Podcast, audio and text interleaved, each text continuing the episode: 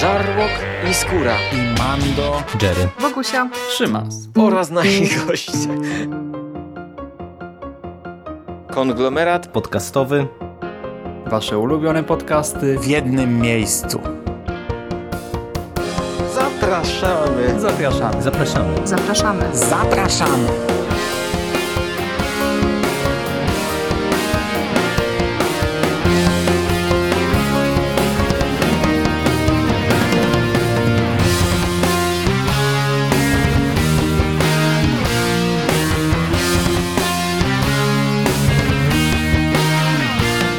Witamy w konglomeracie podcastowym, czyli na platformie, która zbiera wszystkie Wasze ulubione podcasty w jednym miejscu.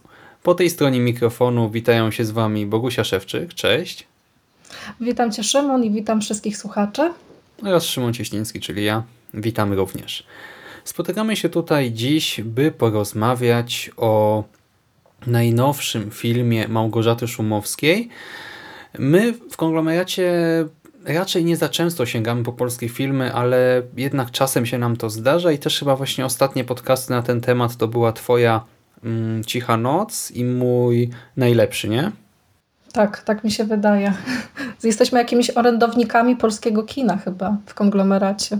Dokładnie. I dziś spotykamy się w duecie, by porozmawiać o twarzy. O filmie Twarz ze scenariuszem Małgorzaty Szumowskiej i Michała Englerta, jeżeli się nie mylę, i z reżyserią e, również Szumowskiej. Oczywiście samą panią reżyser na pewno kojarzycie z takich filmów jak 33 sceny z życia, czy z Body, e, Body Ciało. E, o tym drugim filmie Bedwulf wspominał w nawiedzonym podcaście, nawet przy podsumowaniu roku bodajże.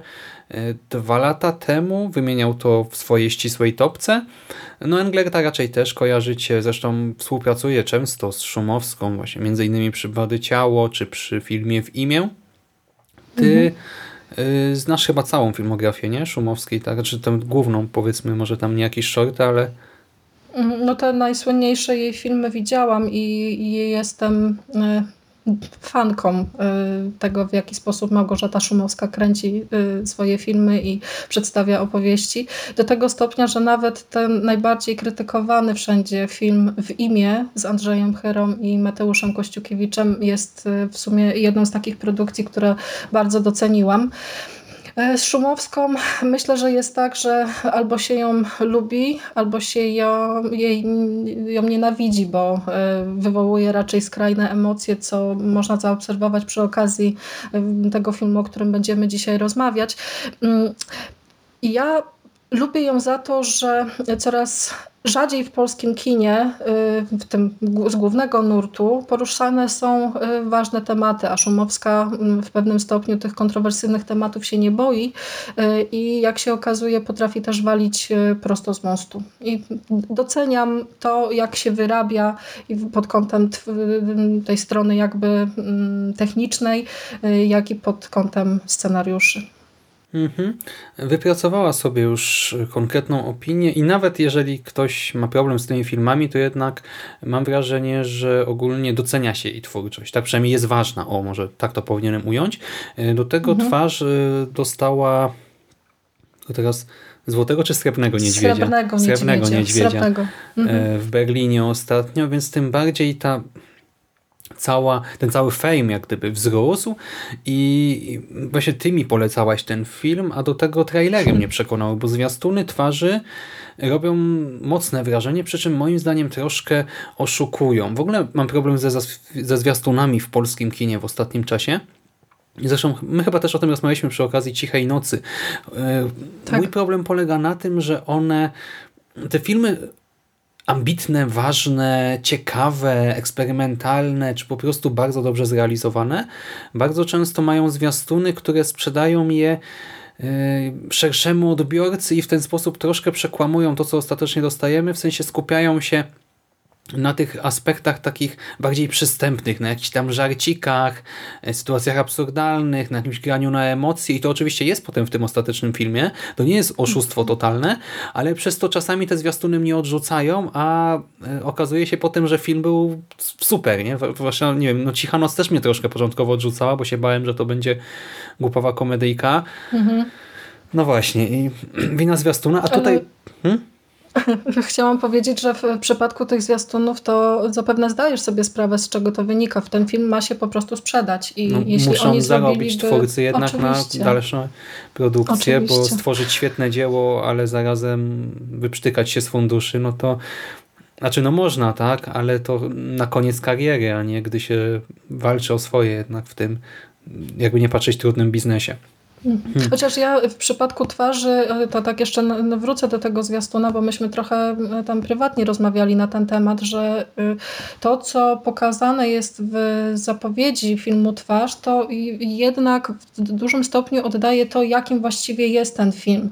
Bo ja, jak pisałam do Szymasa, to użyłam takiego stwierdzenia, że właściwie jest tutaj 70% takiego kina dla szerszego odbiorcy, mm, a tylko 30% właśnie tej artystycznej wizji szumowskiej. No bo to tak trochę jest, że Twarz jest właściwie takim filmem, który można by spokojnie obrać jako mm, rozpoczęcie swojej przygody z tą reżyserką, bo jest on nie tylko lekko zrobiony, przynajmniej mam takie wrażenie, że ta historia jest prowadzona y, dość lekko, a jednocześnie zawiera wszystkie te elementy, które w, filmografie, w filmografii szumowskiej są tak bardzo charakterystyczne, więc to jest coś takiego pomiędzy właśnie tym kinem rozrywkowym, chociaż może to niewłaściwe słowo, a tą ambitną wizją, która, którą Szumowska chce w swoich filmach pokazywać. Mhm.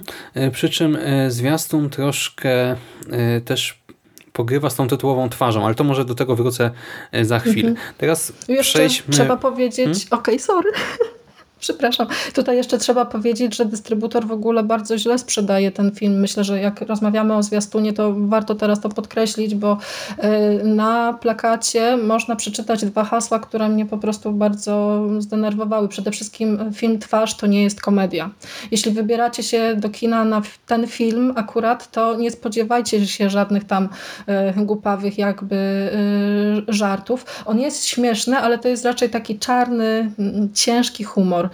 No i tam jest też jeszcze napisane, że y, film Twarz to coś więcej niż ciało. No myślę, że do tego też dojdziemy, jak już będziemy podsumowywać nasze wrażenia po seansie. Mhm, przy czym, wiesz co, ja ci się tutaj z tobą nie zgodzę w tym względzie, czy to nie jest komedia sensu stricto, ale ja się obawiam, że ten szeroki odbiorca, tak, ta szeroka widownia może zupełnie inaczej odczytywać ten film niż my i może jednak traktować Aha. dużo rzeczy, które dla nas były nieprzyjemne, jako po prostu scenki rodzajowe, komediowe.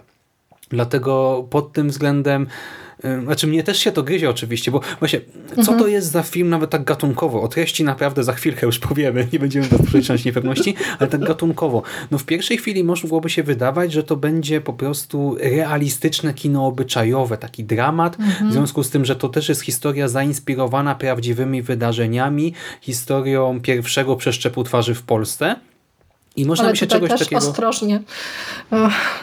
No tak, zainspirowana, zainspirowana. właśnie. Tak? Ale e, to nie jest ostatecznie dramat obyczajowy e, per se, e, a raczej oparta na takiej historii właśnie obyczajowo-dramatycznej przypowiastka, e, właśnie z elementami komedii obyczajowej czy dramatu komediowego, z elementami, taka bardzo dziwna hybryda, która może budzić u różnych widzów różne emocje i te części składowe też czasem się komponują doskonale, a czasem niekoniecznie, bo są też wątki takie stricte kiczowate i komediowe, do czego też przejdziemy zaraz wchodząc troszkę bardziej w szczegóły, które na przykład mnie totalnie nie leżą, a zakładam, że ten odbiorca, który się nastawi na y, odbiór filmu taki bardzo na powierzchni, to on może się z tego na, może i nawet śmiać, tak, dobrze się bawić przy tych scenkach. Ale co, wchodzimy w fabułę powolutku? Tak, jak, jak najbardziej. Dobrze, więc e, akcja filmu rozgrywa się w Polsce w czasach współczesnych. Rozgrywa się na prowincji, prawdopodobnie gdzieś na Podkarpaciu, w okolicy, gdzie e, czas się troszkę zatrzymał, e, gdzie trwa właśnie budowa największego na świecie pomnika Chrystusa Króla. Pracuje przy tej budowie grupa polskich i rumuńskich budowlańców, w tym Jacek. Jacek, młody, długowłosy heavy metalowiec z okolicznej wioski, w tej roli właśnie Mateusz Kościukiewicz i nasz Jacek wiedzie sobie spokojne życie mieszkańca prowincji. Bierze udział w suto zakrapianych alkoholem imprezach rodzinnych, pomaga w gospodarstwie rolnym, spędza trochę czasu z rodziną, zakochuje się w blondynce, chodzi na dyskoteki do miejscowej remizy.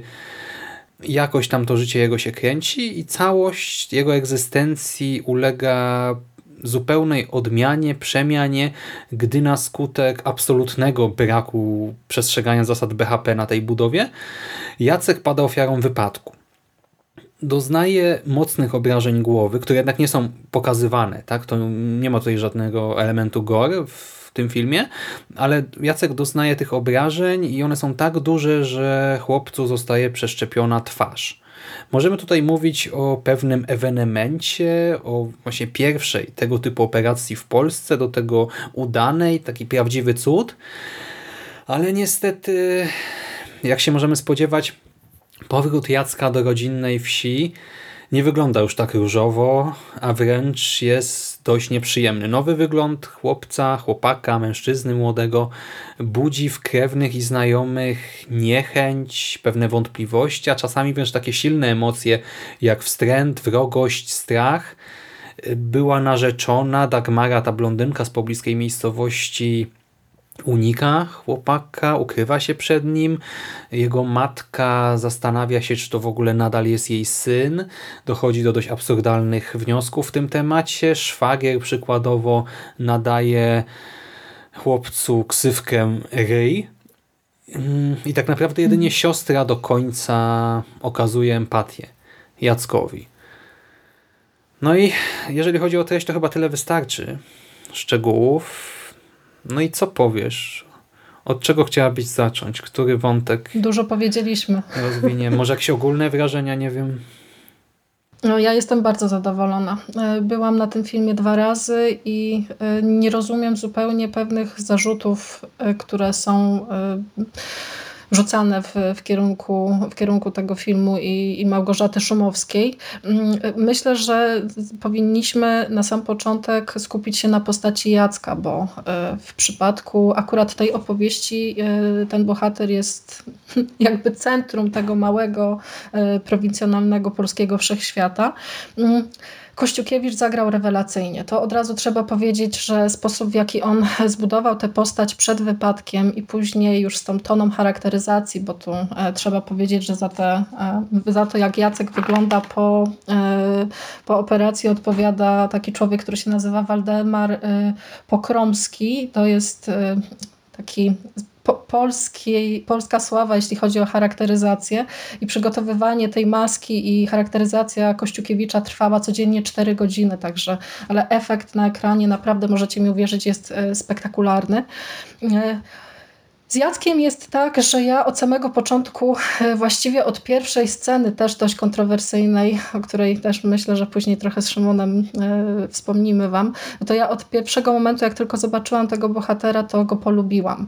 I to wydaje mi się takim e, kluczem do odpowiedniego odczytania tego filmu, bo. Mm, to, co go spotyka potem i w jaki sposób jest odrzucany jakby przez tę swoją lokalną społeczność, no to jeśli czujemy sympatię, to niektóre rzeczy, które widzimy na ekranie, przeżywamy mocniej. To, co Jacka spotkało, bardzo mnie denerwuje i, i, i czuję się z tym naprawdę niekomfortowo. Chociaż y, początkowo pomyślałam sobie, że on właściwie już jest na tym marginesie społeczeństwa, bo to jest taki, taki trochę lekkoduch, bez perspektyw, z jakimiś tam marzeniami. Y, większość krytyków y, zarzuca tej postaci to, że jest ona płaska pod kątem tworzenia charakteru, bo e, właściwie ta osoba nie ulega żadnej przemianie poza tą metamorfozą fizyczną. Mm, ale myślę sobie, że w przypadku akurat tej historii to jest chyba coś dobrego, bo mm, to nie Jacek się zmienia, to zmienia się jego otoczenie i cała ta mm, lokalna społeczność. I to właśnie o te przemiany jego najbliższych ludzi yy, tutaj chodzi, a nie o to, żeby, żeby on jakby yy, ulegał czemuś. Zgodzisz się ze mną? Mhm. Znaczy ja teraz się zasko jestem zaskoczony tym, co powiedziałaś, w sensie te głosy krytyków, które przytaczasz, bo Mhm. znaczy, rzeczywiście bohaterowie tutaj to są troszkę typy, tak? E, To nie jest tak, że to są e, no, postacie w pełni papierowe, ale jednak reprezentujące pewne konkretne e, spojrzenia, stereotypy, e, typy zachowań. No i Jacek tutaj y, no, wyróżnia się trochę na tle tego społeczeństwa. Jest to, tak jak powiedziałeś, lekkoduch, ten nasz y, metalowiec, y, ubiera się specyficznie. Ten wygląd go od początku odróżnia, nie od krewnych, Tak. od znajomych, od wszystkich osób w okolicy. Nawet na tej dyskotece on się odróżnia od innych młodych ludzi. Do tego to jest chłopak z jednej strony bez perspektyw, ale z drugiej strony taki, który nie żyje w maraźmie. On chce się wyrwać z Polski, on chciałby pojechać do e, Londynu, choćby i na zmywak, byleby coś odmienić w swoim życiu. I można by powiedzieć, że to trochę za mało na pełnokrwistą postać, ale z drugiej strony mówimy o chłopcu z prowincji, tak, wychowanym na takiej mm, wsi, gdzie naprawdę czas się troszkę zatrzymał. I ja nawet na początku filmu myślałem, że ten film rozgrywa się w czasach dużo wcześniejszych, o co najmniej, nie wiem, 10, 15, może 20 lat. W związku z tym jak wygląda ta przestrzeń. Przy czym e, to nie jest tak, że Szumowska e, tutaj strasznie odleciała, po prostu wiecie, jak na przykład wyglądają dyskoteki gdzieś tam po remizach, nie? Poza tym, że się zmieniają utwory muzyczne puszczane, czy że sprzęt, z którego te utwory są odtwarzane y, tam co kilka lat jest jakoś tam upgrade'owany, no to jednak dużo elementów pozostaje absolutnie bezmiennych. Strój y, w takim miejscu. i- Królowa parkietu. Tak, i- Jedna dziewczyna, która błyszczy. Tak. Mm, Ja teraz też nie chcę wyjść na jakiegoś yy, gbura czy coś, jakiegoś mieszczucha, bo ja też brałem udział w takich imprezach i co jakiś czas mi się to e, cały czas zdarza. Mam też rodzinę tak w mniejszych miejscowościach, yy, ale jednak no umówmy się, gdy patrzymy na to z boku, to to jest obciachowe. Tak? Ja też wyginałem się jak głupi, wygib... wygibusowałem, nie, wygibałem się y, na parkiecie wiele razy, tak, ale no umówmy się, nikt nie chciałby na przykład takich nagrań pokazywać jakoś u takich osób, które darzymy szacunkiem, może tak to ujmę, nie? To nie jest nic, czym byśmy się jakoś chwalili na lewo i prawo na ogół. Y, No i właśnie w tej miejscowości, w tej przestrzeni y, Jacek troszkę się wyróżnia. Rzeczywiście nie przechodzi przemiany, tak per se, ale znaczy no, troszkę się zmienia tak na skutek tego, co się dzieje, ale sama, sam wypadek go nie odmienia. Ale to też jest fajne, że e, pomimo zmiany fizycznej, to jest cały czas ten sam człowiek w środku, tak w sercu, w duszy, w umyśle. I ta zmiana fizyczna też jest istotna e, z tego względu, że widz też ją odczuwa.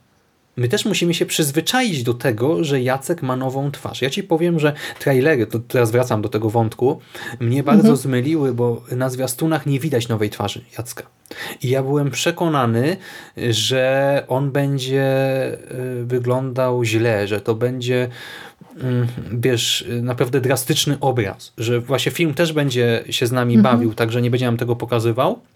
Jak gdy ostatecznie zobaczymy Jacka, to zobaczymy takiego właśnie potwora w znaczeniu człowieka z licznymi, strasznymi bliznami, y, który jest cały czas człowiekiem, jest tym człowiekiem, którego lubimy, szanujemy, ale jednak y, po prostu przez to, jak, w jakiej kulturze jesteśmy wychowani, jak funkcjonujemy na co dzień, o, ten obraz nas jakoś tam obrzydzi, a tu się okazało, że nie, że ta nowa twarz Jacka, no oczywiście, no to jest człowiek po operacji, tam jakieś blizny pozostają, y, jest opuchnięta, tak, jest taka nabrzmiała, ale on nie jest brzydki moim zdaniem, absolutnie.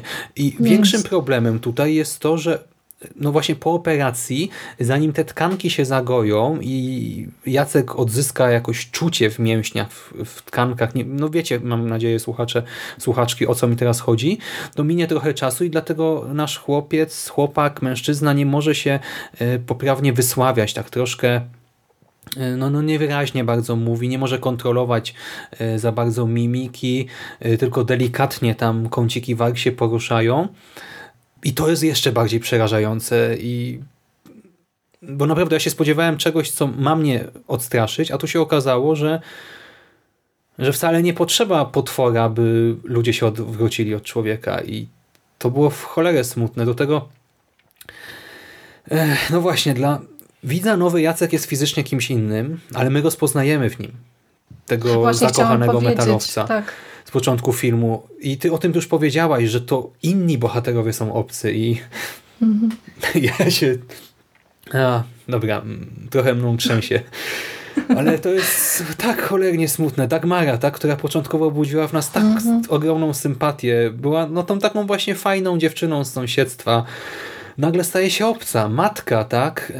Yy, I szwagier, oni wzbudzają we mnie wręcz antypatię, niechęć, miejscami pogardę. Ja rozumiem z czego to wszystko się u nich bierze, tak? Bo szwagier ogólnie jest taką jednostką troszkę ksenofobiczną, a matka znowu, no to też jest kobieta prawdopodobnie niewykształcona, tak? Właśnie żyjąca w tym swoim mikrokosmosie, y, w tej małej, zapadłej wiosce, ale to jest przerażająca rzecz, to co się tam dzieje między nimi. I y, właśnie nie jako, że jest obrazowana jakoś drastycznie czy coś, ale takie drobne gesty są tak bolesne, No muszę się odwołać do kilku rzeczy, które powiedziałeś. Mam nadzieję, że o niczym nie zapomnę. Szumowska mogła troszeczkę inaczej poprowadzić ten wątek, bo ja y, na tym etapie zapowiedzi rzeczywiście spodziewałam się tego, że będzie to prowadzone w taki sposób, że twarzy Jacka po operacji nie zobaczymy nigdy. W Też sensie w tej możliwe. drugiej części filmu. Tak, ona mogła to właściwie tak zrobić i wtedy y, te wszystkie jakby techniczne zabiegi y, z, tym z tymi rozmytymi bokami byłyby jak najbardziej fabularnie uzasadnione. Zdecydowała się na coś innego, ale zrobiła to moim zdaniem świetnie i y, ta pe perspektywa oddziaływania Jacka na otoczenie bardzo się zmienia, bo nie wiem, czy zwróciłeś uwagę, ale Szumowska stosuje w tym filmie mm, kilka scen, które powtarzają się i mamy na przykład występ Dagmary w dyskotece i potem jest analogiczna scena w klubie albo na przykład y, mm, reakcje pijaczków w sklepie przed operacją i po operacji. To jest też y, pytanie, które właściwie stawia Szumowska, dotyka tego, na ile mm, nasz fizyczny wygląd nas definiuje, na ile nasza twarz staje się tą naszą jakby główną, y, główną tożsamością. I przy okazji y, ja miałam też takie delikatne skojarzenia jakby z filmem Tima Bertona Edward Nożycoręki, z jedną z moich y, najbardziej ukochanych opowieści Tima Bertona pod kątem konstrukcji tego świata, no bo mamy jakąś społeczność, mm, która jest w pewnym stopniu tam poukładana, oni sobie żyją spokojnie y, i nagle pojawia się ten obcy, który wywraca ich życie do góry nogami i prowokuje do tych wszystkich jakby najgorszych zachowań. Tylko, że dla mnie w tym filmie Jacek nie jest obcy. Ja widzę, jak on się porusza, widzę te wszystkie jego gesty, widzę jego spojrzenia. Jest tam kilka naprawdę takich takich scen, które po prostu łamią mi serce, jak na przykład ta, y, jedna z końcowych już, jeden z końcowych fragmentów na, na, na komunii, kiedy patrzę na Dagmarę, no to to są po prostu takie momenty, które no, ro, rozwalają Ale już moje pierwszy poczucie obiad w komfortu. rodzinie, ta jego wdzięczność, Tak. jak on przy stole mówi zupa Tak. pomidorowa moja ulubiona i my jako y, widownia w kinie rozumiemy, co on mówi. Tak, To jest oczywiście powiedziane no, z zamkniętymi Tak. ustami praktycznie, bo on nie kontroluje tych mięśni, ale to jest takie, Mm. takie słodkie, urocze, nie, że właśnie syn wrócił y, do matki, y, chłopak wrócił do rodziny, y, oni coś chcieli zrobić dla niego, on to docenia tak, i mówi wprost. Ja na przykład mam też problem z komplementami, z mówieniem komplementów, nie? więc gdy słyszę coś takiego, taki szczery właśnie gest, To e, jest słowa, rozczulające. tak, i, i wtedy patrzysz na tych członków rodziny i coś w tobie pęka, po prostu Mhm. e, i, Jest, jest jeszcze później taka scena w łazience, kiedy, bo tutaj chodzi też o to, y, Jacek po powrocie do domu próbuje zdefiniować siebie na nowo, y, odnaleźć się w tej sytuacji, która go spotkała y, i jest tam taki fragment, jak stoi i poprawia sobie fryzurę i tam mówi, że to ja, a może nie ja. No to, to jest takie po prostu ludzkie. Ja potrafię sobie wyobrazić, że mm, wszystkie te sytuacje, które Szumowska prezentuje i które Kościukiewicz tak, tak dobrze odmalował, bo pomimo tej tony charakteryzacji ja w tym wszystkim nadal widzę człowieka. I ten człowiek, pomimo tych wszystkich zarzutów, kryty, które tam mają ci wszyscy krytycy, to on jest dla mnie autentyczny i wiarygodny. A to jest chyba największa siła, jeśli chodzi o, mm, o tę postać i o, o, ten, o ten film, tak mi się Mhm. wydaje. Tak, i y, autentyczność to jest w ogóle ważna rzecz w tym filmie, bo pomimo tego, że on troszkę gra y, hiperbolą, przerysowaniem, to nie zwracając do tej matki, która mm, zastanawia się nawet, czy ten cud medyczny, to czy to było dzieło Boga, czy może jednak szatana, bo to jest też jeden z motywów tutaj. Y, czy to, że odratowano Jacka i przeszczepiono mu ten twarz, że wszystko się udało, to czy stoi za tym tylko cywilizacja, nauka, technologia, y, czy może jakaś siła wyższa? Jeżeli siła wyższa, to właśnie dobro, y, czy zło? No i tak my jako osoby no jakoś tam wykształcone, nasi słuchacze też, no jeżeli słuchają recenzji, tak, y, filmów w sieci, no to znaczy, że no, szukają informacji, są spragnieni właśnie wiedzy, opinii, konfrontują swoje opinie z innymi. No i tacy ludzie jak my wszyscy tutaj, E, no właśnie reflektują wszystko, tak? Podchodzą do każdej takiej rzeczy na dystans i inaczej zupełnie odbierają takiego Jacka. Ale dla starszej kobiety, która być może w życiu żadnej szkoły nie ukończyła, to to rzeczywiście coś jest, jest to coś niewiarygodnego. I nawet jeżeli y, ja absolutnie nie, nie mogę się zgodzić z tym, co ona tutaj na przykład czasem mówi, czy jak się zachowuje, nie, nie rozumiem tego, y, tak w sensie nie potrafię empatyzować z tym, tak jakoś tego zaakceptować, y, tak jako po prostu czysto teoretycznie jako zachowanie ludzkie to jest wiarygodne i przez to też przerażające, że to nie jest tak, że ona jest złym człowiekiem, ona po prostu tak, a nie inaczej widzi świat. Mm. No, ma, bierze się to wszystko też z ogromnej krytyki kleru, którą Szumowska w tym filmie no, wysuwa na jeden z tych pierwszych planów, bo mm, tak jak Szymas y, wspomniałeś, no tutaj mamy też granie schematami i jest na przykład na początku filmu taka scena przy Wigilii, kiedy widzimy najazd kamery na puste miejsce przy stole i głos z offu e, tłumaczy nam wszystkim rzecz oczywistą, czyli to, że miłosierdzie i wiara polega na tym, żeby otworzyć się na drugiego człowieka i żeby nie odtrącać go bez względu na to, co on sobą reprezentuje. I potem toku fabuły okazuje się, że to wszystko jest właśnie takie pozorne i, i, i, i obrazuje hipokryzję właśnie tych wszystkich, tych wszystkich ludzi. Jest też e, przecież mm, mhm, mhm. postać księdza, który e, właśnie w momencie, kiedy matka idzie do, do spowiedzi i mówi, mówi te wszystkie swoje wątpliwości, no to on tam takim tonem mało przekonującym mówi, że no tak, ale ty musisz go kochać, bo to jest twój syn. Pan każe ci kochać swojego syna. No a, a z drugiej strony namawia ją też na, na egzorcyzmy i jakby pośredniczy w tym, żeby, żeby ta sytuacja miała miejsce, więc to też jest takie właśnie... Ale właśnie namawia, ja bym tak tego nie ujął, ale to poczekaj, jeszcze przed kościołem chciałbym tylko wrócić do jednej rzeczy i zaraz rozwiniemy ten wątek, okay. bo wspomniałaś o pewnym zabiegu operatorskim. Za operatorkę tak. tutaj odpowiada, nie wiem czy tylko, ale na pewno między innymi też Michał Englert, i tak jest. E, ja to może rozwinę, żeby było jasne, bo jeżeli ktoś filmu nie widział, to nie zrozumie. Przez cały film ostrość tutaj kamery jest ustawiana punktowo. Nieważne, co znajduje się w kadrze, nieważne, czy obserwujemy jednostkę, grupę bohaterów, czy plener, ostrość zawsze ustawiona jest w jednym punkcie, a cała reszta jest rozmyta i to też nie zawsze jest punkt centralny. E, tutaj e, no, operator troszkę sobie z nami pogrywa e, i to jest bardzo ciekawy zabieg, bo w związku z tym, że reszta obrazu jest rozmyta, to widz też początkowo oczywiście to trochę wybija, ale już po kilku, kilkunastu minutach my się skupiamy wtedy na tym punkcie centralnym. E, czyli przykładowo widząc scenę w kościele i w kadrze, nie wiem, 15 osób, i w punkcie centralnym jest jedna, tam za nią jeszcze może być ktoś też wyostrzony. My się jednak skupiamy na tym pierwszym, e, czy też najbliższym nam planie, który jest wyostrzony. I to zupełnie zmienia naszą recep Boże, recepcję, percepcję całego filmu. A teraz wracając do Kościoła, rzeczywiście to nie jest film tylko o jednostce, ale i o współczesnej Polsce, a we współczesnej Polsce Kościół zajmuje ważne miejsce, jakby nie patrzeć. I też tutaj wysuwa się na pierwszy plan. Moim zdaniem to nie jest tak, że Szumowska e, sobie po prostu stwierdziła, że będzie krytykować Kościół, czy e, robić sobie jakieś żarty, z religii w Polsce obecnie, bo ona kręci film o współczesnej Polsce. Nie mogła tego pominąć. Moim zdaniem to jest naturalna rzecz. Mhm. I rzeczywiście katolicyzm tutaj nie zostaje ukazany jakoś hiperpozytywnie, ale to też nie jest tak, że on jest przedstawiony w krzywym zwierciadle. Moim zdaniem raczej obserwujemy go od kuchni. Obserwujemy te aspekty wiary, y, które zazwyczaj pomija się, tak? czy to świadomie, czy nieświadomie, y, bo są niekoniecznie y, przyjemne.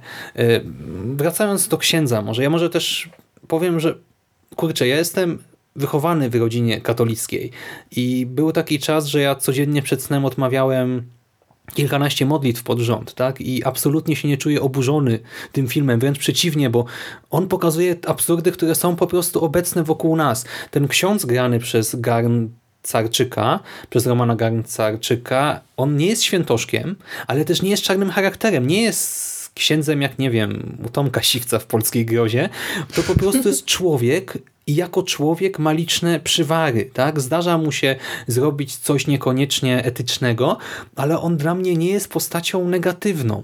E, mamy właśnie, co do tych egzorcyzmów, to on troszkę on jest trochę też szantażowany przez tę rodzinę. On widzi, że oni sobie z tym nie radzą, tak? I że ta matka po prostu już po prostu wysnuła sobie jakąś teorię i w nią wierzy.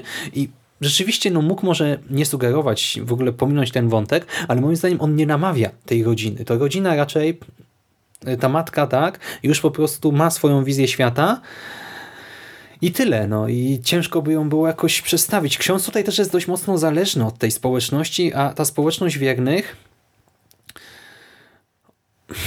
no ona jest egoistyczna i nie wiem, ten pomnik cały. Powiedziałem, że mhm. wiecie, no, kojarzycie Świebodzin, tak? Tutaj słyszymy oczywiście wprost, że to ma być największy pomnik na świecie, większy od tego e, z Rio, Rio de Janeiro. Janeiro.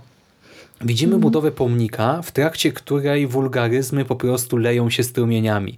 E, jak bohaterowie rozmawiają o tym, że beton jest e, tam zbyt rzadki, zbyt wilgotny czy coś, to przecież takie wiązanki lecą, że to człowiek się za głowę łapie, ale zarazem no tak na pewno wyglądała budowa pomnika w Świebodzinie. Dokładnie tak, po prostu bluzg za bluzgiem, y, tu komuś coś spadło na głowę, tu się coś urwało i normalność, nie tylko, że o tym się nie mówi, nie myśli. Y, potem widzimy ten pomnik, który jest no umówmy się, bryłą betonu. Każdy pomnik jest po prostu jakimś kamieniem, betonem czy czymś. Tutaj właśnie bryłą betonu w szczerym polu i on jest przejawem tak naprawdę nie wielkości Boga, a jakiejś jakiegoś egoizmu ludzi, takiego bałwochwalstwa. To jest wręcz y, trochę bluźniercze, jakby się temu przyjrzeć bliżej, bo przecież parafia i wierni chcą tego pomnika, ale nie na chwałę Boga, tylko na chwałę swoją, własną, y, dla zaspokojenia własnych ludzkich, niskich potrzeb. Ksiądz mówi wprost tak, do ludzi, że to jest nasz Chrystus, nasz Chrystus, my mamy największego Chrystusa na świecie. I ja teraz trochę też to przerysowuję, ale w gruncie rzeczy, no zobaczcie, mhm. no jakie to jest głupie. tak? I cała Polska przecież żyła świebodzinem, że mamy największego Chrystusa na świecie. Ale czy ten pomnik coś zmienia y, z punktu widzenia wiary, pisma, czy coś? Czy sprawia, że jesteśmy lepsi? No nie. To, to wręcz przeciwnie, bo to jest takie Rozumiesz w ogóle, o czym mówię, nie? Nie, nie, gadam głupot. No właśnie. Nie. Y, druga nie. sprawa, rodzina Jacka, która, tak jak powiedziałaś, najpierw ta mowa o miłosierdziu, o akceptacji, a potem odrzucenie członka własnej rodziny tylko dlatego, że miał wypadek i wygląda teraz inaczej. Y, mamy też taką scenkę rodzajową, w której rodzina Jacka y, spotyka się tam, nie wiem, czy też nie w jakieś święto, na posiłek, czy może po prostu w niedzielę i oni zawsze odmawiają modlitwę przed posiłkiem i w czasie jednej z takich scenek e, zaraz potem po prostu jedzą dosyta oczywiście, piją ogromne ilości alkoholu i zabawiają się przy tym takimi ciężkimi rasistowskimi żartami. Może nie tak, z najniższej półki. Jest, to też jest Wigilia? Kolacja wigilijna, tak. No właśnie. I to Bo potem jest... na pasterkę idą pod wpływem. A, no właśnie, jeszcze jest ta pasterka pod wpływem i no to jest taki obraz może i negatywny katolików, ale z drugiej strony no właśnie, negatywny czy prawdziwy? Czy obrazujący też te rzeczy nieprzyjemne? No nie wiem, ja też mam w rodzinie osoby, które wykorzystują święta kościelne do tego, by się spotkać przy stole i wypić. Mam też osoby, które się nie kontrolują w tym piciu i które też potem, nie wiem, albo nie dotrą w ogóle na pasterkę, bo zaliczą zgon wcześniej, albo dotrą też już pod, właśnie pod wpływem. Y, no kurczę, no ja mam wrażenie, że w Polsce to nie jest nic rzadkiego, tak? No oczywiście to jest coś wstydliwego, Ja też o tym nie rozpowiadam tak na co dzień, ale tutaj w tym podcaście no chcę po prostu podkreślić, że ja nie uważam, że to jest jakiś przerysowany, obrazoburczy, złośliwy, jakoś krytykujący Kościół obraz. Nie, to jest po prostu ta wizja, to, to, są te elementy, które my raczej przemilczamy na co dzień tak? i udajemy, że ich nie ma, a one absolutnie są obecne w naszym życiu. To jest prawdziwy obraz polskiej katolickiej prowincji, ale nie tylko prowincji, bo w mieście przecież w sumie jest to samo, tylko trochę inaczej ubrane w trochę inne łaszki. I no kurczę, no wsi spokojna, wsi wesoła, ale jednak też zakompleksiona i trochę upudlo, upodlona. No tutaj chodzi o to, że y, zarzuca się, y, y, ludzie zarzucają także Szumowskiej to, że traktuje swoich bohaterów z góry i podobno w niektórych scenach bardzo mocno to widać, bo ona niby portretuje właśnie tych mieszkańców prowincji z perspektywy warszawiaka albo takiego człowieka właśnie wykształconego światowego. No ja tego tak nie odebrałam. Wydaje mi się, że Szumowska nie musiała się wcale bardzo starać, żeby te sytuacje e, przerysowywać, bo tak jak Szymon słusznie zauważyłeś, no takie rzeczy się po prostu dzieją. Ja patrząc na niektóre sceny w tym filmie e, widzę prawdę. I nawet jeśli one y, w swojej konstrukcji popadają w absurdy, no to kurczę, tak się dzieje. To... Ale właśnie przerysowanie wynika bardziej z tej selekcji scenek i ich y, kompozycji, nie ułożenia w, danej, tak. w dane sekwencje scen. Przez to właśnie, przez to, że obserwujemy naprzemiennie nie właśnie pięciogodzinną kolację, tylko sekwencję modlitwy, sekwencję picia, sekwencję rasistowskich żartów i pasterki, to to, to one bardziej niektóre rzeczy uderza. uwydatniają. Mhm. Tak. Tak, o to chodzi. I ja tak sobie jeszcze pomyślałam y, trochę o tym, y, czemu to właściwie ma służyć, bo Szumowska y, sama mówi o swoim filmie w kategoriach właśnie takiej, y, jak powiedziałeś, przypowieści, y, współczesnej baśni. I to y, chyba, bo wszyscy po obejrzeniu tego filmu oburzyli się, że to jest film bardzo antypolski, ale ja się... Oh. Je, prze, przepraszam, a w momencie, kiedy idziemy do kina na trzy billboardy za Ebbing, Missouri, no to tam widzimy amerykańską prowincję, z której reżyser też sobie w pewnym momencie robi jaja, no bo przecież taka postać jak Jason Dixon jest przerysowana, jest zrobiona na zasadzie jakby karykatury samego siebie. I co? W momencie, kiedy e, Amerykanie naśmiewają się ze własnych przywar, no to to jest spoko, a teraz, kiedy y, Szumowska robi, robi film o prowincji polskiej, no to już jest niedobrze, bo, bo co? Bo jesteśmy jakby tak bardzo zapatrzeni w tę swoją polskość, że nie potrafimy Ale... spojrzeć na nią z dystansem? No to jest straszne, bo to jest tak samo jak, nie wiem, jak ja słyszę, że jak, nie wiem, jest jakaś negatywna recenzja o y, książce związanej z polską grozą, no to, że to jest od razu atak na fandom, atak na twórczość, mm -hmm. jakaś antypromocja. No nie, no przecież krytycyzm jest potrzebny i tutaj właśnie moim zdaniem ten film absolutnie nie jest antyklerykalny, y, antyreligijny, antypolski czy coś takiego. Nie. Y, no to z drugiej strony, to, to jeżeli to jest antypolskie, to miś też jest antypolski antypolski, nie wiem. Bageja cały jest antypolski jak diabli, bo też wyśmiewa tak. różne głupoty. No, no nie, ja mam wrażenie, że właśnie dystans to jest to słowo klucz, dobrze go użyłaś, bo y, to jest film o współczesności, to jest film o czasach, w których my jeszcze cały czas żyjemy, jesteśmy, nie? Y, I tak. dlatego, może dlatego ludziom tak ciężko jest y, spojrzeć na to z dystansu i cieszyć się tym, co rzeczywiście jest troszkę zabawne, y, jednocześnie zastanowić się nad tym, czy może by warto coś zmienić w tej rzeczywistości, w naszym właśnie też prywatnym, osobistym życiu, na tych wigiliach rodzinnych, czy coś takiego. No to, to jest, ale to jest trudne, no jakby nie patrzeć, nie? Podejść do siebie też z tą dozą samokrytycyzmu, tak no tak, Szumowska ustawia lustro i pozwala nam się y, w tym lustrze przejrzeć. I y, jakie wnioski wyciągniemy, patrząc na niektóre sytuacje przedstawione w twarzy, y, to już jakby zależy od naszego poziomu wrażliwości. Szumowska mhm. w jednym z wywiadów powiedziała o tym, że mm, jej zdaniem taki brak dystansu, jakby takie podchodzenie do, do, do krytyki i do satyry y, w sposób taki bardzo poważny wynika chyba z faktu, że jesteśmy takim społeczeństwem, w którym które bardzo długo musiało walczyć o swoją tożsamość. I teraz w momencie, kiedy ktoś y, próbuje nas krytykować, to my reagujemy już właśnie taką postawą bojową i, i, i gotową do walki. Y, moim zdaniem Szumowska y, przedstawiając polską prowincję nie definiuje całego narodu. Ona y, nie mówi, że wszyscy Polacy są źli y, i że jesteśmy homofobami, ksenofobami i czym tylko najgorszym i że jesteśmy zapatrzeni w to, co ksiądz na, na ambonie powie. Ona tworzy pewną małą, zamkniętą, oderwaną od rzeczywistości w pewnym stopniu społeczność i na jej przykładzie dokonuje właśnie krytyki tych wszystkich złych zjawisk, które się dzieją. Tej Mhm, to jest nietolerancji. wiwisekcja bardziej, nie? Tak, i to wszystko ma służyć y, wymiaru takiej krytyki uniwersalnej, a nie y, y, krytyki wymierzonej jakby w konkretną grupę społeczną. Ja Zresztą bym jeszcze... się, no, Mogę coś dodać jeszcze, nim podsumujemy w ten sposób?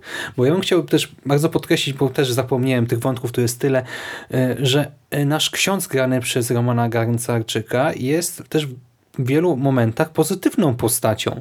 Przecież tak jak powiedziałem, no to gdy on mówi wprost o tym pomniku, no to to jest bałwochwalcze moim zdaniem i jak na to spojrzeć z boku, to to jest absolutnie e, sprzeczne z religią katolicką z chrześcijańską nawet, ale z drugiej strony, y, no to on po prostu, można powiedzieć, że jako ten właśnie człowiek, ten człowiek z przywarami, ten mały człowiek w obliczu absolutu, no że on chce dobrze, tak? On chce, żeby ta jego miejscowość właśnie się wyróżniła na tle Polski, na tle świata, żeby coś dobrego dla Polski chce zrobić. To nie jest tak, że on ma złe intencje, tylko po prostu troszkę w tej Ludzie swojej ludzkości, tak? No się gubi. Poza tym potem przecież on pomaga rodzinie, tak? Dokonuje tej zbiórki w kościele na dalszą rehabilitację, bo jak wiemy ona jest kosztowna, państwo tego nie refunduje, tutaj też Jacek ma w związku z tym różne problemy. On wspiera tę rodzinę, tak? Mamy scenę na przykład z Dagmarą, która też jest taka trochę e, no tutaj właśnie jest odrobinę przerysowana, e, ale to też nasz ksiądz w tej właśnie, on jest taki trochę nieporadny tutaj. On też nie jest złym człowiekiem, tylko jest takim troszkę nieporadnym, który troszkę prowokuje tę dziewczynę. Ona ostatecznie wychodzi z tego starcia jak gdyby z nim zwycięsko i od, y, wychodzi z tej spowiedzi y, tak osiągając to, co chciała, a ksiądz w sumie nie osiągnął tego, co tam chciał. Ja nie będę wchodził w szczegóły, ale to też nie jest nic jakoś strasznie sprośnego, bo to tak teraz może brzmieć, jak ja o tym mówię. Y, I ten ksiądz jest w wielu scenach sympatyczną postacią i ja mu w sumie kibicowałem jako człowiekowi, tak jako jednostce w tym świecie i do tego też on to nie jest ksiądz, który trzęsie właśnie tą społecznością Zambony, który y, jest takim pastorem właśnie z amerykańskich westernów. Ja teraz Brimstone oglądam, Vendetę, y, który właśnie przyjeżdża i po prostu mówi, kogo spalić na stosie, a kto będzie żył wiecznie. Y, Tylko on jest trochę więźniem kościoła, więźniem społeczności wiernych. Jest od nich zależny, właśnie nawet ta zbiórka, nie? Początkowo po prostu powołując się na miłosierdzie i na to, że Jacek jest częścią wspólnoty, udaje mu się zrealizować taką e, zbiórkę, która kończy się sukcesem, ale z biegiem czasu, gdy społeczność się odsuwa od Jacka, to to nie jest tak, że ksiądz może nimi kierować, że to jest wina czy zasługa księdza, że ta druga zbiórka się nie udaje. Nie, on nagle nie ma wpływu na tę społeczność. I to też mi się podoba, że właśnie ta postać jest niejednoznaczna, ona jest po prostu człowiekiem. Czasem chce dobrze i robi dobrze, czasem chce dobrze, robi niekoniecznie dobrze, czasem popełnia różne przewinienia, jakieś drobne grzeszki. Jest po prostu człowiekiem. Opowiedzmy trochę o roli mediów, bo Szumowska też Właśnie. to medialne podejście krytykuje. Przede wszystkim występuje tutaj Krzysztof Ibisz. To mnie bardzo mocno zaskoczyło, bo e, jest w twarzy kilka takich scen, które sugerują, że Jacek e, staje się właśnie takim chwilowym celebrytą, a potem, kiedy ta jego e, sława zaczyna stopniowo przygasać, to e, staje się właśnie taką zapomnianą, pozostawioną e, samą sobie osobą. Co mnie e, najbardziej zmroziło, e, to jest e, ta scena z plebiscytem. Głosuj na panią Krystynę. To jest po prostu coś takiego, co Szymon kojarzysz oczywiście. Tak, tak. To, to jest po prostu coś takiego, co, no, co dla mnie jest no, rzeczą niedopuszczalną. Tak, te, te, taka jakaś byłam wstrząśnięta bardzo, bardzo w tym momencie, ale znowu zadziałał ten e, element, który już podkreśliliśmy w tym podcaście wiele razy, czyli to, że Szumowska nie przekombinowała. Takie rzeczy po prostu są. Ale wiesz co, to jest jedyna rzecz, z którą miałem problem w tym filmie akurat. Y, te wątki komediowe w kontekście mediów, bo y, wiemy jak wygląda praca w mediach. Znaczy, no, no wiemy, no bo oglądamy media, tak? Ja też studiowałem dziennikarstwo, y, odbywałem różne staże, praktyki też w takich większych mediach, gazetach, radiach i no to tak naprawdę te osoby, które jakoś tam się wybijają, często zgarniają różne kontrowersyjne tematy. Nie? I też ludzie najchętniej oglądają rzeczy, które są e, w jakiś sposób e, skandaliczne, kontrowersyjne, wulgarne, e, związane z przemocą, agresją. I tutaj oczywiście ta tragedia życiowa i jednocześnie ten sukces polskiej medycyny są obecne w mediach, ale to jak to zostało pokazane do mnie to trochę nie trafia, bo Krzysztof Ibisz jest y, osobą zbyt charakterystyczną w Polsce i kojarzoną... Ale wiesz, Szymon, to, to musi być właśnie to skojarzenie i to, jakie, y, jakie rzeczy ko kojarzą się z Krzyż konkretnie tym Krzysztofem Ibiszem, no to to jest właśnie też taki czynnik, który ma uruchomić y, w, w umysłach widzów konkretne klisze. Tutaj chodzi o to, że jest po pokazane, że przy okazji y, tragedii Jacka i tego jakby sukcesu e, lekarskiego, mm, są też osoby, które mogą mm, na tej sytuacji zrobić po prostu biznes, a media mają w tym czynny udział. Ja to, ja to odebrałam w ten sposób. Mhm, znaczy, to rozumiem, tylko chodzi o to, że Krzysztof Ibisz, jako właśnie ten symbol wiecznej młodości, tak, ten Benjamin Barton z Polski, yy kojarzy się jako taka postać stricte komediowa, jeżeli już, nie? Taka radosna raczej, to teleturnieje, jakieś właśnie takie wygłupy, Krzysiu powiedz mi jak mam żyć na YouTubie i tutaj otrzymujemy y, postać radosnego dziennikarzyny, takiego sztucznego do bólu, wyraźnie nierozumiejącego tematu, którym się zajmuje. Y, do tego ten dziennikarz jest grany przez Ibisza i to jest strasznie oderwane od rzeczywistości, w sensie mm, to już, to już jest trochę odlot, to jest jest na dużo wyższym poziomie e, hiperbola niż przy tych innych wątkach, mam wrażenie. E, zwłaszcza, że te inne wątki są raczej podbudowywane w jakiś sposób, a ten Ibisz się pojawia tak znikąd i on mi się gryzie po prostu koncepcyjnie nawet, jako element tej struktury filmowej. E, ale z drugiej strony no rozumiem, że ten wątek medialny też jest tutaj jakoś istotny, też współczesna Polska no i ogólnie media działają tak, jak działają. No ale nie wiem, ja z Ibiszem mam problem. Troszkę jest moim zdaniem zbyt przerysowany. Dla mnie za bardzo się wybija i też się e, zastanawiam, czy ktoś, kto nie będzie w ogóle rozkładał tego filmu, tego filmu na czynniki pierwsze, ktoś, kto będzie się śmiał na scenach, które mnie na przykład bolały, emocjonalnie, to czy on nie odbierze i Bisza jako to absolutny comic relief, nie? Że po prostu, ha, patrz jaka scena, o patrz Krzysiek. E, tak, i tam odpytuje rodzinę e, właśnie, bo, no bo Krzysiek Ibisz tutaj jest dziennikarzem, nie wiem, interwencyjnym, który relacjonuje po pierwsze samą operację, nie tyle operację, co skutki operacji, tak spotkanie z Jackiem pierwsze, e, tam przeprowadza wywiady z jego krewnymi i też troszkę e, śledzi zbiórkę pieniędzy na rehabilitację. No ogólnie towarzyszy rodzinie, tak? Przez cały czas po wypadku.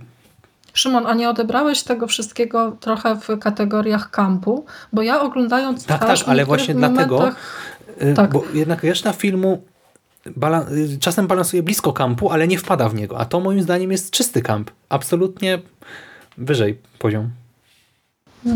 No bo jest na przykład y, w filmie Twarz scena, która y, która jest e, rzeczywiście takim elementem wpadającym w kamp. Mam tutaj na myśli ten e, fragment, kiedy Jacek zajeżdża konno pod okno swojej ukochanej Dagmary i potem pędzą e, po zielonej trawce przy urokliwych krajobrazach zachodzące słońce. No to, to, to jest kamp. I to... Ale wiesz co, a ja to kupiłem znowu jako po prostu element tej prowincji, jako coś, co że, znaczy jest po części romantyczne. Nieoczywiste, ale ja też byłbym sobie w mhm. stanie to wyobrazić. I dla mnie to była śliczna scena, taka naprawdę, wiesz, że serce mięknie. A Ale dobrze, tak to powiedz mi, z, jakimi, z jaką sceną miałeś największy problem? W tym sensie, która z tych, y, któ- który z tych fragmentów opowieści uwiera cię najbardziej? Czy jest jakaś taka scena, która po prostu sprawiła, że no, zatrząsłeś się w sobie i stwierdziłeś, że no nie, no, ro- rozwalę zaraz tutaj cały świat? Powiem Ci, że na mnie w ogóle bardzo mocno wpłynął sam początek filmu. Y, To te takie scenki rodzajowe, właśnie remiza, kolacja w domu, y, sprzątanie, czy tam y, oporządkowywanie y, w stodole, w stajni, w oborze. y, Mhm. Te takie drobne scenki. Przede wszystkim ta scena pierwsza posiłku ze szwagrem i bratem, gdy rodzina się strasznie kłóci o to, że Jacek tam chciałby wyjechać do Anglii, no i padają tam te pytania, tak a ty kim jesteś, Polakiem czy co? Polakiem jesteś, tak, to w Polsce. jest w Polsce. Tak. Tak, i rodzina też nie, nie zgadza się co do tej kwestii, każdy ma tam swoje zdanie. I ja na tej scenie y, już miałem łzy w oczach, szczerze mówiąc. Y, Już wtedy mnie to trochę zmiotło, a po wypadku znowu ten film moim zdaniem ma jeden problem, to znaczy tempo jest trochę nierówne. To, no, on nie ma takiej tradycyjnej budowy w tej drugiej połowie, Mhm. że to wszystko jakoś tam leci sobie do tego plot pointu, że to napięcie jakoś wzrasta, tylko ono tak strasznie skacze. I tak nie wiadomo właśnie, kiedy ten film się może skończyć, bo nie czujemy absolutnie tego, ja przynajmniej tego nie czułem, że on zmierza do finału, tylko po prostu dochodzi do pewnego momentu i się urywa. Troszkę też mi brakuje tutaj puenty jakiejś. Yy, Znaczy, to może też być traktowane jako yy, zaleta, ale troszkę jakąś wskazówkę interpretacyjną na koniec ja bym sobie osobiście chętnie zażyczył. A może nawet y, jakieś pocieszenie, bo ten finał, to nie jest tak, że on jest jakoś strasznie negatywny, ale on jest y, gorzkawy, mam wrażenie i y, chociaż, znaczy bohater w sumie na koniec chyba nie jest smutny, ale ja byłem przybity przy tej końcówce. Ja w ogóle na ten, na ten film na randkę poszedłem.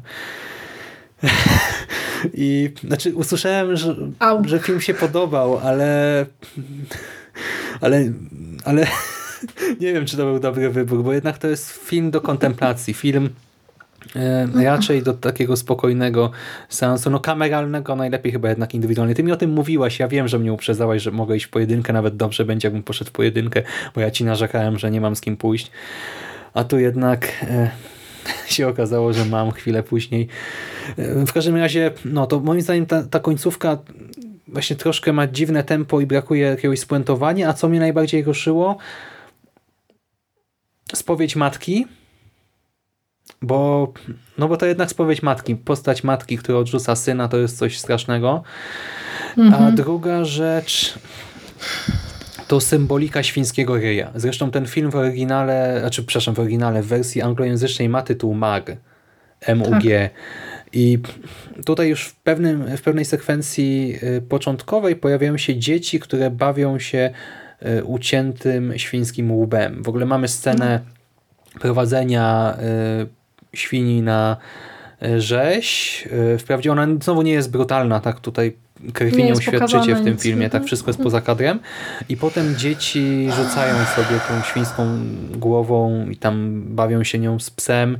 To też jest normalna rzecz na wsi, umówmy się. I gdy potem właśnie się okazuje, że Jacek ma ksywkę też, e, ryj czy świński ryj, to, to też był taki moment, to, to, to, znaczy to nawet nie jest jako scena, nie, ale po prostu gdy sobie to uświadamiamy, gdy to gdzieś tam pada w dialogach, no to też była ostra jazda. W sumie no, wątek Dagmara też jest smutny, ale jednak... E, No mnie O, on- właśnie najbardziej ruszyła jest- ta scena. Co? hmm? Słucham, słucham. Najbardziej ruszyła mnie scena, bo na początku tutaj też Szumowska potrafi fajnie wykorzystać utwór muzyczny, który e, Tak, przeplata tak, się o, przez, mhm. przez cały film. Mamy tutaj dwie właściwie, nawet trzy chyba, takie charakterystyczne piosenki. Jedną je- z nich jest L'amour toujours e, Gigiego D'Agostino i on się pojawia po raz pierwszy w tej słynnej scenie e, w dyskotece, kiedy widzimy Jacka i Dagmary takich zakochanych, pięknych właśnie w promieniach tego zachodzącego słońca gdzieś tam królowie życia. I potem ten motyw e, powraca w takiej dość e, przerażającej dla, dla mnie scenie, kiedy Dagmara, y, właśnie ta, ten obiekt westchnień y, całej miejscowości rozbiera się w klubie. I Jacek jest jedyną osobą, która przychodzi i próbuje to jej y, nagość i to jej upodlenie zakryć, a ona go wtedy wyśmiewa, że mówi, że jak, popatrz na siebie, jak ty wyglądasz. I właśnie Chyba ten fragment mnie tak jakoś najbardziej, najbardziej e, zasmucił, bo e, Szumowska mówi o tym, że ten film również jest o miłości, a e, miłość przecież jest utożsamiana z takim uczuciem, które pojawia się i jest bez względu na to, co nas spotka. A w zdrowiu i w chorobie, się, że to, tak. Tak, a Aż okazuje się, że jednak, że jednak te uczucia Dagmary, które być może były, no ja tego nie kwestionuję absolutnie, ale nie okazały się na tyle jakby twardym fundamentem, żeby zbudować tę prawidłową relację. I potem pod koniec, kiedy e, Jacek e, wyobraża sobie, że mogłoby być inaczej i ten motyw muzyczny powraca, no to to jest taka właśnie piękna klamra całej tej, całej tej, e, całej tej relacji. Mm, I rzeczywiście sceny z matką, tak? ta scena spowiedzi, kiedy, kiedy ta osoba, która powinna kochać Jacka ponad wszystko. bezgranicznie, ponad wszystko, e, mówi, że to, to, to on patrzy na mnie jak jakiś zboczeniec, no to po prostu no, ja... Tak, no być może... Takie się we mnie coś właśnie obudziło, taki sprzeciw wewnętrzny, że no nie no, to, to, takie rzeczy nie powinny się wydarzać. Mm. Jeszcze pierwszy odcinek Muminków, gdy Muminek wchodzi do kapelusza czarnoksiężnika o, i wychodzi cudowne. jako potwór mm-hmm. i właśnie wszyscy go odrzucają poza matką i dla mnie, ja to mam w głowie bardzo wyraźnie, bo ja ten odcinek widziałem wiele razy y, i tak. gdy właśnie zobaczyłem tę scenę z matką i pomyślałem o tym, jak, jak bardzo mnie wzruszało to, że mama Muminka rozpoznaje syna, nawet pomimo właśnie tego zupełnie innego ciała, tak tej totalnej przemiany, i tutaj zobaczyłem coś zupełnie odwrotnego, taki negatyw wręcz tej sekwencji, to to mną wstrząsnęło, a powiem Ci, że wątek oczywiście tej miłości między Jackiem a Dagmarą, on jest smutny, ale on tak nie szokuje mnie, bo jest rozłożony w czasie właśnie na różne etapy. Y, matka y, i y, ta, ta jej wizja dziwna świata pojawia się nagle. Ten świński ryj pojawia się nagle, a wątek mhm. Dagmary jest bardzo, bardzo rozłożony w czasie i y, on też y, trochę inaczej na mnie działa, bo y, tak jak powiedziałem, matkę jestem w stanie zrozumieć o tyle, że to jest po prostu osoba niewykształcona. Ten szwagier ogólnie jest zakompleksionym, rasistowskim dupkiem, więc też jestem w stanie po prostu zrozumieć tego zachowanie. Tak Dagmara znaczy właśnie y, ich po prostu jakoś tam rozumiem, dlaczego to robią, co robią, ale yy, nie sympatyzuję z nimi, a Dagmara sama też się stacza jakoś, nie? I ja też mhm. nie wiem, ile czasu na przykład Jacek był w szpitalu, film nam tego nie mówi, yy, ile czasu ona oczekiwała, kiedy dokładnie to uczucie w niej się złamało yy, i czy właśnie chodzi tylko o wygląd, czy może też o tę presję otoczenia i do tego to jest jednak, wiesz, obca osoba.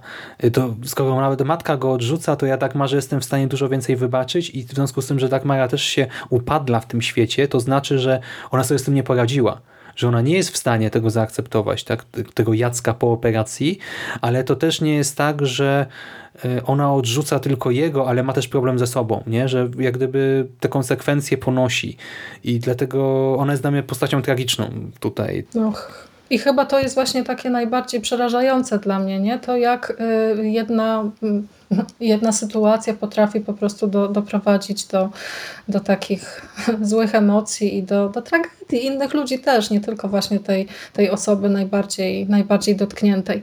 Ja jeszcze chciałabym tylko powiedzieć parę słów na temat właśnie tego, co, mm, co już wspominaliśmy, że twarz y, to jest baśń. Y, a w baśniach, moi drodzy, jest właśnie tak, że niektóre rzeczy są e, przejaskrawione i bardziej zastosowana jest taka hiperbolizacja. Mm, I Szumowski zarzucają to, że właśnie jedzie po krawędzi, że przesadza, że popada w, w takie właśnie jakieś dziwne tutaj um, sytuacje i odrealnienia. E, natomiast e, Ja myślę, że w formie właśnie takiej przypowiastki, jaką twarz powinna być i na jakim poziomie powinna właściwie być odczytywana, to to jest wszystko chyba do zaakceptowania, no bo przecież czy w baśniach nie jest tak, że y, rzeczywistość jest odrealniona? No przecież mamy smoki, wiedźmy, y, krasnoludki. Y, czy nie jest też tak, że pojawia się magia? No, może ten świat y, w twarzy y, trochę obcy, ale jednocześnie y, tak bardzo nam bliski, ma służyć właśnie temu, żebyśmy coś z tej opowieści wynieśli. No ja na pewno tak to odebrałam i, i, i gorąco polecam ten film, już tak zmierzając ku, ku podsumowaniu. Hmm. Wiesz co ci nawet powiem, po seansie chyba byłem bardziej sceptyczny niż teraz. To znaczy też y, im bardziej sobie to układałem w głowie, tym moje zdanie ogólne, ostateczna ocena były y, bardziej pozytywne, przy czym ja miałem problem właśnie z, przede wszystkim z tym tempem w drugiej połowie i z, tymi, z tym Mhm. trochę kampem w kontekście mediów. To były takie dwie rzeczy, y, które mi nie do końca leżały, ale teraz jak już to wszystko sobie tak przedyskutowaliśmy w szczegółach, to, to ja też polecam, już teraz bez większych zastrzeżeń. Nawet jeżeli też do Was, nie wiem, na przykład ten niespuentowany finał jakoś nie trafi czy coś, no to to jest w jakiś sposób istotny film. No ile mamy w ogóle, znaczy okej, ja nie śledzę jakoś bardzo mocno polskiego kina, ale ile mamy obrazów o współczesnej Polsce? Obrazów, które nie są bzdurnymi komedyjkami, tak? nie są 40 występem Tomka Karolaka, którego kiedyś bardzo lubiłem, a ostatnio po prostu ostatnio, od dłuższego czasu mam go dosyć, a są właśnie takim obrazem no dość prawdziwym. Właściwie. No, dla mnie to ten obraz w ogóle jest absolutnie prawdziwy, tak? tylko wybiórczy, ale w pełni odpowiadający rzeczywistości. No ile? No ja niczego nie kojarzę, szczerze mówiąc. Znaczy jest y, kilka f- filmów z tej nowej fali polskiego kina, które mm, poruszają. Ale rozgrywają się współcześnie tematy. też? Tak absolutnie? Też, też. Mamy na przykład taki film Erratum z Tomaszem Kotem, który jest y, taką opowieścią mm, o powrocie do domu. Jest fenomenalny film Bartka Konopki, rany nie pamiętam tytułu, z Dorocińskim w roli głównej o rodzinie uwikłanej w chorobę psychiczną. Tam jest taka postać ojca chorego na, na schizofrenię. Y, Świetny film. Mm, Jest oczywiście też Cicha Noc, która e, te problemy jakby polskiej, współczesnej e, społeczności obrazuje dość wnikliwie, więc mm, to, to, to nie jest tak, że, że w tym polskim kinie nie porusza się ważnych problemów. Pytanie tylko, czy polscy widzowie e, chcą takie filmy oglądać i na ile jesteśmy w stanie e, podejść do, e, do tych opowieści e, z dystansem i z otwartym umysłem. Hmm. Dobra, to tym akcentem myślę, że zakończymy. Zap- Zapomniałam tytułu filmu, teraz będzie mnie to bardzo męczyć, ale y, jeszcze zanim zakończymy, to taki mały bonus. Y, Chciałabym zapytać, no już tak w kilku słowach, y, o tę scenę z egzorcyzmami. Hmm. Znaczy ona jest specyficzna, bo ona trochę sobie pogrywa i z widzem, i z bohaterami, tak? Mm, Ona też była, znaczy ona była też troszkę przerysowana e, bardziej niż inne, bo była długa. Gdyby była krótsza, to by myślę, można było łatwiej o niej zapomnieć, tak przejść obok niej po prostu e, dalej. Wiesz co, nie wiem, mam mieszane uczucia, bo z jednej strony to, to, to jest właśnie jedno z tych przegięć, które niekoniecznie moim zdaniem były potrzebne. Z drugiej strony pewnie szerokiej publiczności to pozwoliło się troszkę pośmiać. E, Z trzeciej strony to też nie jest jakoś tak, że mi to przeszkadza, bo tak jak jest to absurdalne i to akurat raczej by się nie wydarzyło. nie? To była taka właśnie scenka Mhm. od czapy. E, Tak no to też jest jakiś wentyl bezpieczeństwa, nie? Takie właśnie mrugnięcie okiem, że słuchajcie, nie bierzcie też wszystkiego tak absolutnie na serio, nie przejmujcie się. E, Dokładnie To, to tak film, to odebrałam. fikcja. Tak, dokładnie tak to odebrałam. Byłam ciekawa po prostu, bo jak zobaczyłam tę scenę w kinie, to mówię, o, Szymas, coś do Szymasa. Dzięki. Ale że to, że mnie też trzeba egzorcyzmować? Coś mi sugerujesz tutaj? Nie, że, w że nawet w takim filmie y, o takim trudnym No temacie wiem. to moż, możesz odnaleźć coś dla siebie. Dobra, kończymy. Dzięki. Dobrze, to dziękuję Ci serdecznie. za Ja rozmowę. również. Ja również dziękuję. Bardzo się cieszę, że udało nam się e, nagrać e, tę rozmowę o ważnym filmie jednak. No, nie, nie, nie, czytajcie tych wszystkich krytycznych e, i takich obraźliwych recenzji. Po prostu wybierzcie się do kina i przekonajcie się sami. Mhm.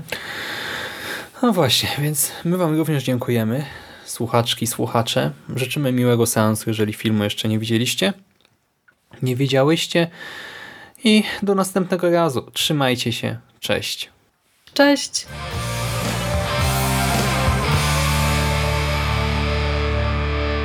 You finished? That's it, man. It's game over, man. It's game over. What the fuck are we gonna do now? What are we gonna do? It's over. Nothing is over! Nothing! You just don't turn it off!